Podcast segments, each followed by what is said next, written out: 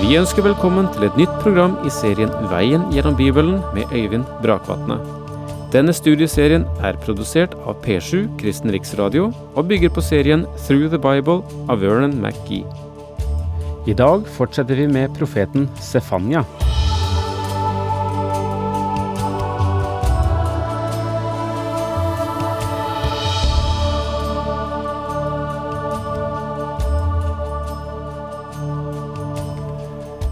Jeg har eh, tillatt meg å kalle Sefanya for kjærlighetens profet. Det er kanskje dem som vil eh, bestride det, for det står jo egentlig ikke så forferdelig mye om kjærlighet i denne boken. Nei, det gjør kanskje ikke det, men det er bare det at Sefanya gjennom sitt budskap praktiserer kjærlighet. Men det er den side av kjærlighetens vesen som for den elskedes skyld er villig til å stå for det som er sant, og gi beskjed når man vet at det vil kunne komme til å gå ille med dem man er glad i. En kjærlighet som ikke er tro, både mot hensynsfullhet på den ene side og mot sannhet på den andre side, er ikke verd egentlig å kalles kjærlighet. Begge disse to sidene hører sammen, og det gjør de i aller høyeste grad i Gud. Han er kjærlighetens Gud, men han er også sannhetens og hellighetens Gud. Og Sefanya gir beskjed, gir signal, både til judafolket som nå nærmer seg en domssituasjon, og likeledes til andre folkeslag. Men eh, denne boken, like så vel som flere av de øvrige profetbøkene, ender ikke med dommen. Men dommen er bare, skal vi si, den mørke tunnelen inn mot lys på den annen side. For den som venner seg til Gud. Det første kapitlet bruker Sefanya vesentlig til å konsentrere seg om judafolket, og hva som vil møte dem. I kapittel to vender Sefanya seg til alle andre folkeslag. Og så, i det tredje kapittel, de første åtte versene, tar han igjen for seg eh, Juda, og i særlig grad Jerusalem, som blir stående som en eksponent, et, et, et, et uttrykk for den eh, vold og den eh, uhygge som lå over mange store byer. Og Nå går vi inn igjen i vers fire i kapittel tre hos Sefanya. Og der står det slik:" Dens profeter er skrytende, troløse menn. Dens prester krenker det som er hellig, og gjør vold mot loven. Dette forteller at helt inn i folkets marg er forråtnelsen i ferd med å gå sin gang. Ikke engang de som var satt til å ta vare på det hellige, holder det hellige hellig. Dens prester krenker det som er hellig. Dette er en forferdelig situasjon. Hvordan har de krenket det hellige? Jo, de har fått verden rundt seg til å miste respekten for det som var hellig. Gjennom sine liv spredte de en disrespekt for tempelet og for det hellige. Og det samme fant sted på Samuels tid, der gamle Eli var øverste prest. Mennesket hadde ikke lenger respekt for religionen, og i dag gråter mange over at kirken har mistet sin innflytelse. Og jeg gråter også over det. Men av og til er jeg fristet til å si at jeg tror ikke at kirken heller fortjener respekt fra verden, når vi ikke verken kan eller vil vise dem en kirke som holder det hellige høyt, og som lever for Gud, og som har respekt for Hans ord. Og gjør vold mot loven.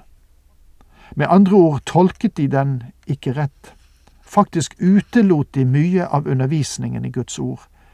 Loven, slik det brukes her, betyr hele Guds ord. Herren rår med rettferd der. Han gjør ikke urett. Hver morgen feller han rettferdig dom. Den kommer like sikkert som lyset. Men ugjerningsmannen kjenner ikke skam. Herren rår med rettferd der. Gud vil ikke gjøre det som er ondt. Det øyeblikk hans folk går på onde veier, og Gud ikke gjør noe, så virker det som Gud godkjenner slikt. Men Gud sier at han har til hensikt å la dem få møte sin egen urettferdighet. Gud vil ikke gjøre urett. Hver morgen feller han rettferdig dom, men ugjerningsmannen kjenner ikke skam. Den urettferdige fortsetter bare i sin synd og tar ikke sitt liv og sin ferd opp til revisjon. Her er ingen skamfølelse, men synden er åpenbar, den er en offentlig hemmelighet. Når vi nå kommer til versene seks til og med åtte, får vi et bilde av den store trengsel som kommer i fremtiden, Herrens dag, som Sefanya har talt om. Sefanya beveger seg fra å tale om Jerusalem til å tale om nasjonen i verden i de siste dager. Dette er Harmageddon. Og den avsluttes med Kristi komme til jorden. Jeg har utryddet folkeslag, deres borgtårn ligger i grus. Jeg har lagt deres gater øde, så ingen ferdes på dem.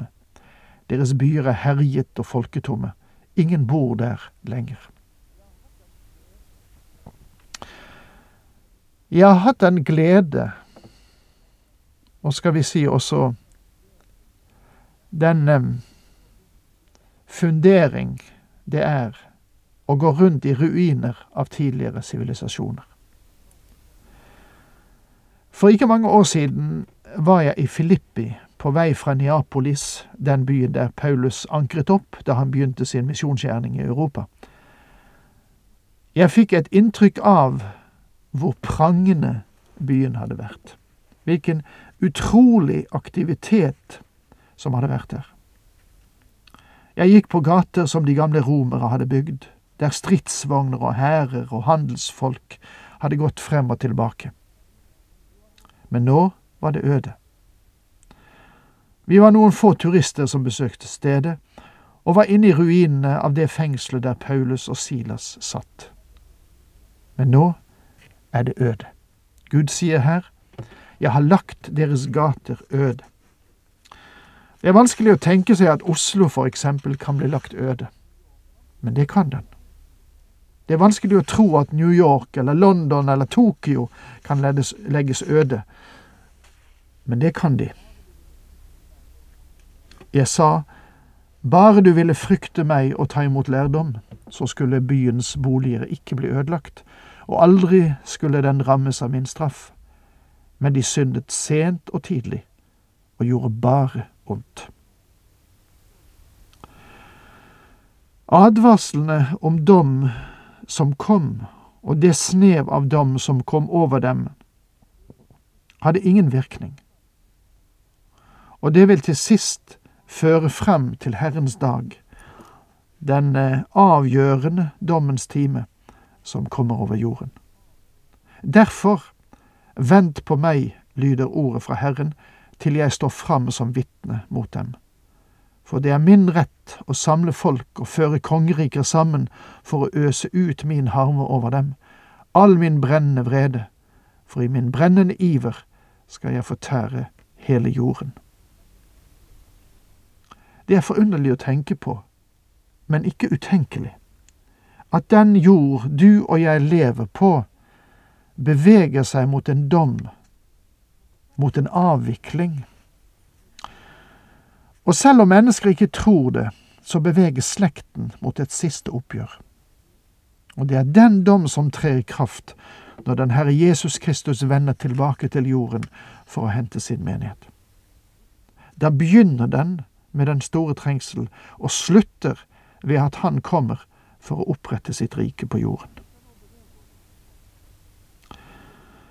Vi skal nå bevege oss videre i dette kapitlet, fra mørke til lys, og se på de velsignelser som Herren har under beredskap.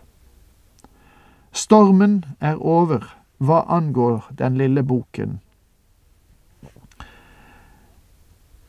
Eh, boken starter med mørke og varsler og med drønn av dom og den første del av dette kapitlet, som har å gjøre med dommen over Jerusalem, er nesten skremmende lesning. Og det er skremmende når du kommer til bildet av den store trengsel, da Gud skal dømme alle folkeslag, der de vender seg i hat mot Jerusalem den siste tid. Les om det eksempel hos profeten Zakaria i kapittel 14. Vi har møtt to typer dom i Sefanias bok. Der møter vi Gud som dømmer sitt eget folk, som alltid er en tukt, for den Herren elsker, den tukter han, som det står i Hebreerne 12 vers 6. Med andre ord, han fostrer sine barn, disiplinerer dem. Og så må Gud dømme den vantroens verden som finnes også. Og det er dette bildet av dom som vi har foran oss i denne lille boken. Sefanias bok er som en tornado en nyttårsorkan, et jordskjelv og et vulkanutbrudd knyttet sammen til ett. Når du leser denne boken, så kan du nesten tro at Gud hater sitt folk, og at han avskyr menneskeslekten som sådan. Du kan nesten tro at han er hevngjerrig, brutal og rå, at han er ufølsom og ubevegelig. Men la meg nå vende tilbake igjen til historien jeg trakk opp for dere i introduksjonen som illustrerer Sefanyas budskap. Det er en historien om en mann som tok det lille barnet sitt og styrtet av gårde ut i natten og til sykehuset. Det ser nesten ut til at han kidnappet den lille, og det var fryktelig å overgi henne til en annen som stakk en kniv i maven på henne. Men når du kjenner hele historien, så blir du klar over at mannen var far til den lille piken. Hans egen dyrebare lille pike hadde fått blindtarmsbetennelse, og på natten griper han tak i henne og skynder seg til sykehuset og legger henne i hendene på en dyktig kirurg. Alt ble gjort i ømhet. Og vi ser også i dag at vår store lege tar sine egne, de han elsker, og legger dem på operasjonsbordet. Selv i dom er Gud kjærlighet når han dømmer de ufrelste, og når han dømmer dem som er hans egne, så er selve margen i Guds vesen hans kjærlighet. Det er intet annet han vil enn å frelse, selv når han tukter. Og med det må vi si takk for nå, Herren med deg.